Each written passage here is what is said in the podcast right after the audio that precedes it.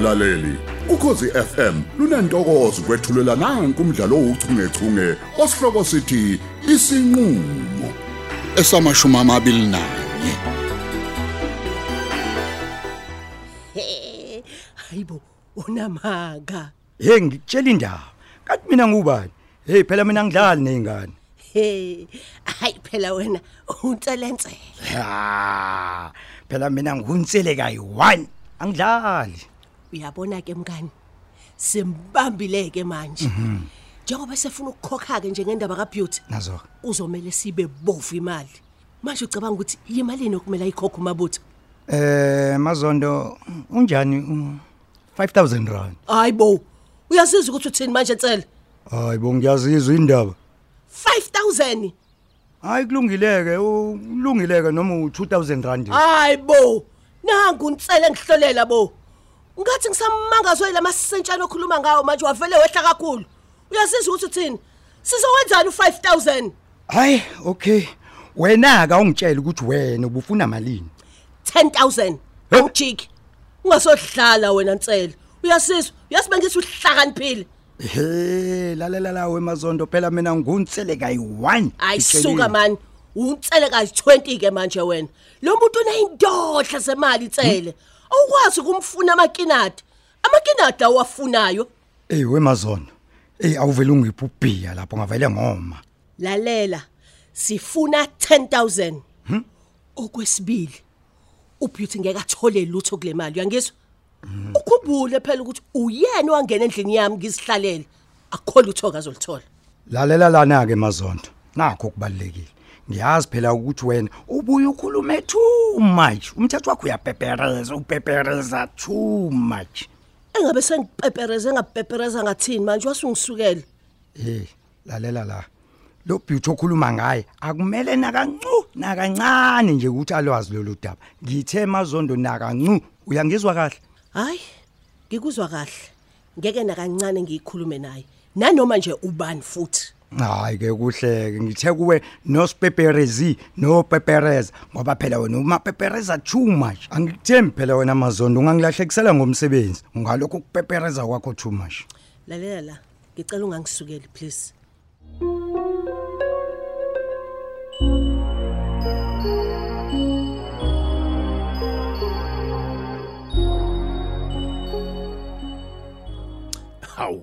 Uyabona nje angingabazi nakancane ukuthi kukhona konakele nje obulapha edimba ngalesi sikhathi my brother Eish. Hayi woza sohlala emotweni la. Angene edimba. we kinamangani kodwa Hayi awukahle wendoda. Ngixakekile lana. Akusiyona le ndaba ka beauty. yini manje sekwenze njani mfethu. Kuvuka lento yokuthi ngamshaya. awu Yangibopha. kahleni bomfethu bengithi nje lento iyaphela mfethu kanti kwenzakalani Hayi namangazi. Kepha ke kuyenzeka manje inkinga yami ukuthi ngifuna ukuthi sixoxisane nje kahle naye njengabantu abazanayo. ya into enhleke leyo kodwa ke mhlambe yini engavimba kuvimbeni vela Eh, Bengibona ngcono ukuthi ngiphelezele wena siye kuyena yabo. Angifuni ukuthi ngikhulume naye ngingedwa ngoba manje hey ngase kuthiwe bengiyumsabisi yabo. Kumele kube khona ubufakazi. hey khona uqinisile mfethu man hayi pho ubani yena uyamazi ke ubeauty ave nedrama lwana mfethu hey hey hey ingakho nje ngithe angize kuwena ukuze ungisize ngiyokhuluma naye. khona yimbi lento mfethu ngeke ngiqambela amanga. Ikakhulukazi ke njengomuntu obheka ikusasa elihle kwezepolitiki. Leli cala lingakufakela ugcopho nje omubi kakhulu. Hey abantu bazivele babone ukuthi hayi wena uyihlukumezela abantu besifazane Eish eish eish uyayibona ke leyo nto. Hey my brother kumele siyivale lento please. hayi sozama.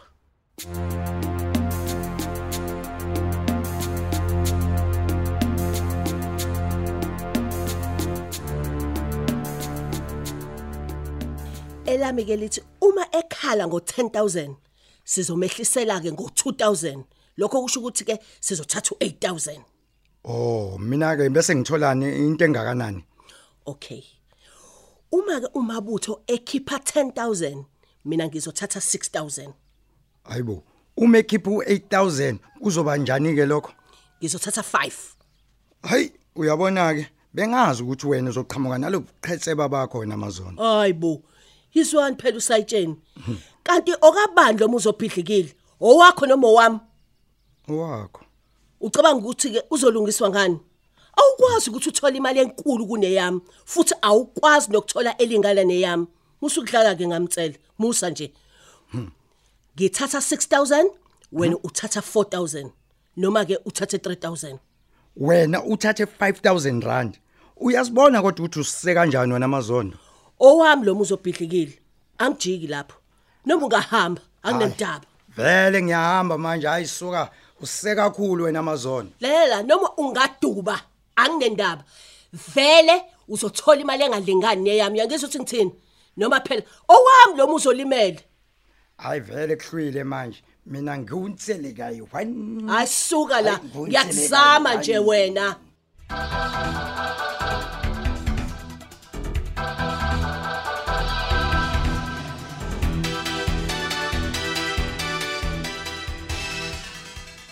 Uyazi kodwa mabutho mfethu ukhuluma nje iqiniso angimjwayele kakhulu beauty. Oh. Yebo wena umuntu nje engimaziyo lapha elokushini edimba. Ukubingelelana nje nokubuzana impilo ngale kwalokho hayi ngeke ngithi ngimjwayele mfethu. Hayi ngizwa kahle. Ukuthi nje nami ngifuna umuntu omjwayele kakhulu. Wena ngiyazi ukuthi baningi abantu abajwayelela. Ya khona eh kodwa uyazi my brother lento yokuhlukunyezwa kwabantu kwesifazane bebulawa mfethu bedlengulwa. Kahle kahle kahle bhekisisa mfethu kahle. Angicabangi mina ukuthi ukushaya umuntu wesifazane ngempama. Sengaba into engabangela ukuthi uyiqhathanise nalezi Habe. zinto eyishoyo. Hayi kahle ba. Hey, Hayi kahle mfethu.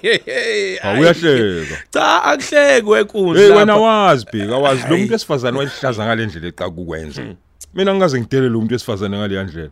O- Okwesibili, mina bengingazi ukuthi impama nje incane. Isingazidala ukukhuluma ongaka. Yingakho ke ngihleka wenkunzi. Okusalayo nje ukuthi ukubeka umuntu wesifazane isandla lokho kukumhlukumeza. Impama, impama. Yebo baba yona impama leyo. Hlukumeza lokho. Angisho ukuthi ngiyavumelana nokuthi abantu besifazane kumele bashawe bhekisisa. Kepha impama. Pampa pampa ulakaza. Khona lokho impama. Ukulahla isikhova nje kuphela. Sengaze kuyiswa nezinkantolo. Hayi kahle bafethu. Hawu hayi ngeke. Yazi inkinga ikephi la baba? Inkinga iqala kusi isandla lesi. Sijwayele ubona ke sengena isikhala. Emva kalokho kudutshula umuntu ke. Hayi ngeke, ngeke ngimdubule umuntu wesifazane mina. We- we- Ngeke. we. Okusalayo ukuthi wenze icala. Ukuthi umbono wakho nomuzwa wakho unjani ngalolu daba? Hayi akusilona ke idoko eligayelwe mina lelo nombuso cha. Lento kuzomela uyilungise ngempela qhawe lami ngoba izolidenta liqede igama lakho. Ya. Iyavalelana lento kwezinye zezinto eziningi. Mana ke akuyena usayitshena unsele lodlula lapha ya. Hayi ungayi ungayi hayi hey hawu hey, uyena uyena ngempela. Hey, sayitsheni wami. Sayitsheni unsele. la ukhuluma nonsela sayitshenisele Hayi madoda. Eh satsheni kuhamba kahle. A- Awusondele ngalapha phela. Eh sithi ukubhunga njengamadoda. Hayi asiphume emabutho a- asimhlangabeza ngazafika eduze. Hawu sayitsheni wami. Uyaphila kodwa bamtsele. hey ngi right oh kanti ungiwena mzolo Ya. ya ya ya indaba yakho mzolo manje akinishoni wemadoda nidinga idani njengoba nihlele emotweni nje senifuna ukususa uthuthuva ke futhi Hayi lutho. lutho sayitsheni hawu. Thina sibona abantu bodlami. Hayi, lutho. Akukho kungalungiswa sayitsheni yabona. Ngiyacabanga ukuthi ke njengendoda esazanayo nayo. Mhm. Khona mhlawumbe imizamo engenzeka ukuthi yabona. Kulungise la konakele khona. Usayitsheni usebhenga ngasekhaya manje. ya ngiyemzini wami manje kodwa wena mzolo Hayi kezwakala sayitsheni. Eh eh, hey kuhle nje lokubona sayitsheni uyazi u- u- ukuba khona kwakho nje endaweni. Si- Sivele nje sizizwe siphephile eh, kakhulu hey usiyabonga. ya phela unsela uyasebenza ngilala endleleni mina Madoda. Uyazi, Bengifisa kodwa la mfowethu ukuthi sikhulume nje le ndaba. eh usho kanje Ya impela uya- uyazi akekho omunye umuntu engithembele kuyena kuphela ngaphandle kwakho nsele. ya khona ngiyakuzwa mzolo futhi ngikuzwa kahle manje ufuna ukuthini konselekayo one Eh lapha eh, bebengicela madoda nje kwesingene emotweni. Sixoxe kahle eh, sihle sikhona ngoba hayi hey indaba lana ziningi kakhulu. Nonondaba ayibagcwele la. hayi kulungile kodwa hayi engathi niyangibambezela manje madoda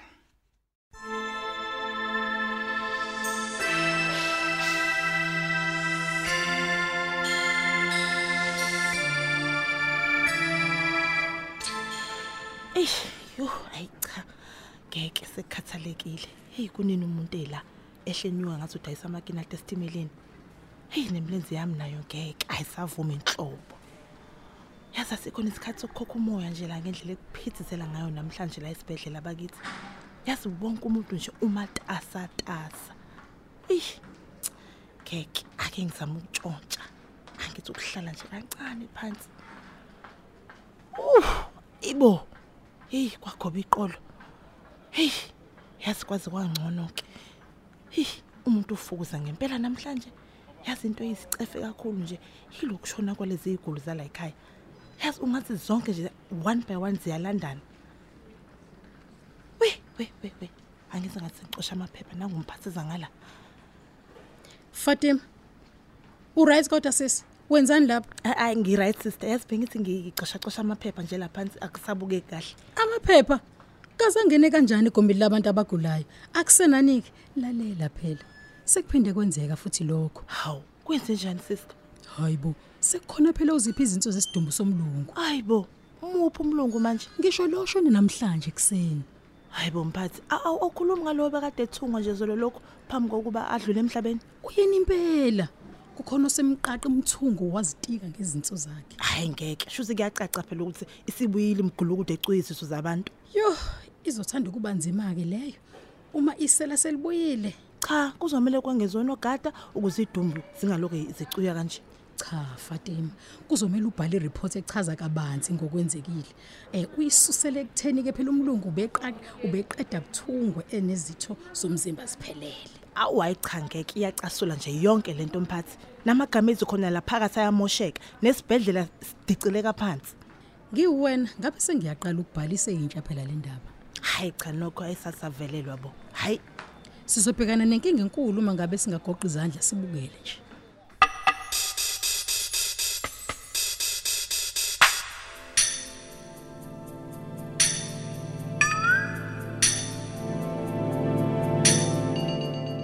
Hayi bo madoda. Mabutho nawe bhekisisa anoyeka phela lento yeni okuvalana namafastela emoto sinilokho nisimemeza lapha ebusuku.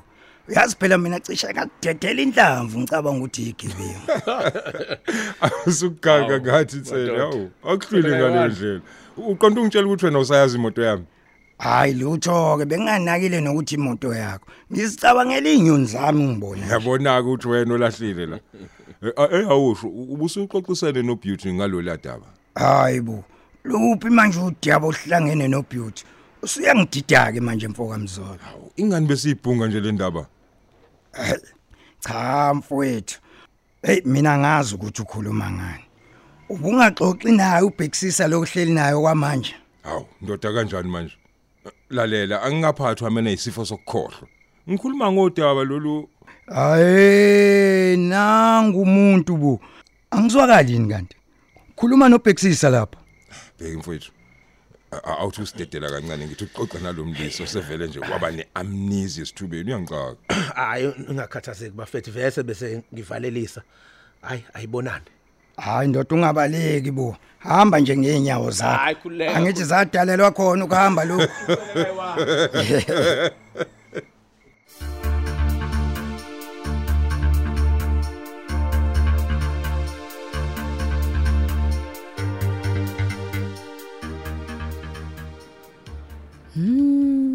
Hmm, uyazini Fatima? Iyangixanga impela ke indaba le idumbe idukile. ah ah sister cha bobo musa nje ukuhloniphisa asidukanga lezi zebiwe Konje wena ubube njalo. hayi kodwa ngiqinisile okusalayo Lalela, uyazi ukuthi ngisola bani kulesi sehlakalo? yabo ke ususola bani ke sister Ngisola laba abafana abasebenza ngeidumbu lapha yeMoki. awu ngeke ngeke sister ngeke angivumi ingane encane kanje hayibo He, angisuke lezi ngane. Ngicela unake ngendlela egijima ngayo uma ngabe belanda idumbu. Zigijima zize ishayisa. hayi man sister ngeke lezi ngane zabafana sikukhonzile abakithi ukudlala angicabangi nje nokusento eshoyo ngempela ngempela ngabantu ekhona Yo, yabona ngelinye ilanga uyokungibamba isandla njengoba phela ungangikholwa. hayi ke kulungile ke sithi ke bayayicuya ke zona lezo idumbu zabantu. Umbuzo umile uthi bazenzani nokuthi bazishonisaphi bayidayisa phela kwi-black market. Ini? Black market? yebo. Yebo ungakhohlwa phela ukuthi abasebenzi bodwa labafana kunabantu abaneziqu abasebenzisana nabo. Kahle wena. Hmm. Uthini manje kumina we sister ayibo ngithi phela kunodokotela abaneziqu abagila lemkhuba eh nakonke yazi umuntu uzosaba ngisho nokuya emtholampilo inkosi phela ngenxa yale mgulukudu kunjalo ke Fatima? Hayibo mina ngakuzwe emsakazeni sister kukhulunywa inyanga thizeni nje. Yathi abantu bathanda ukuthwala. Yingakho ke inyanga zixuba imithi kanye nezicubo hayibo ubuthakathi ke lobo? Hayibo. Kunjalo?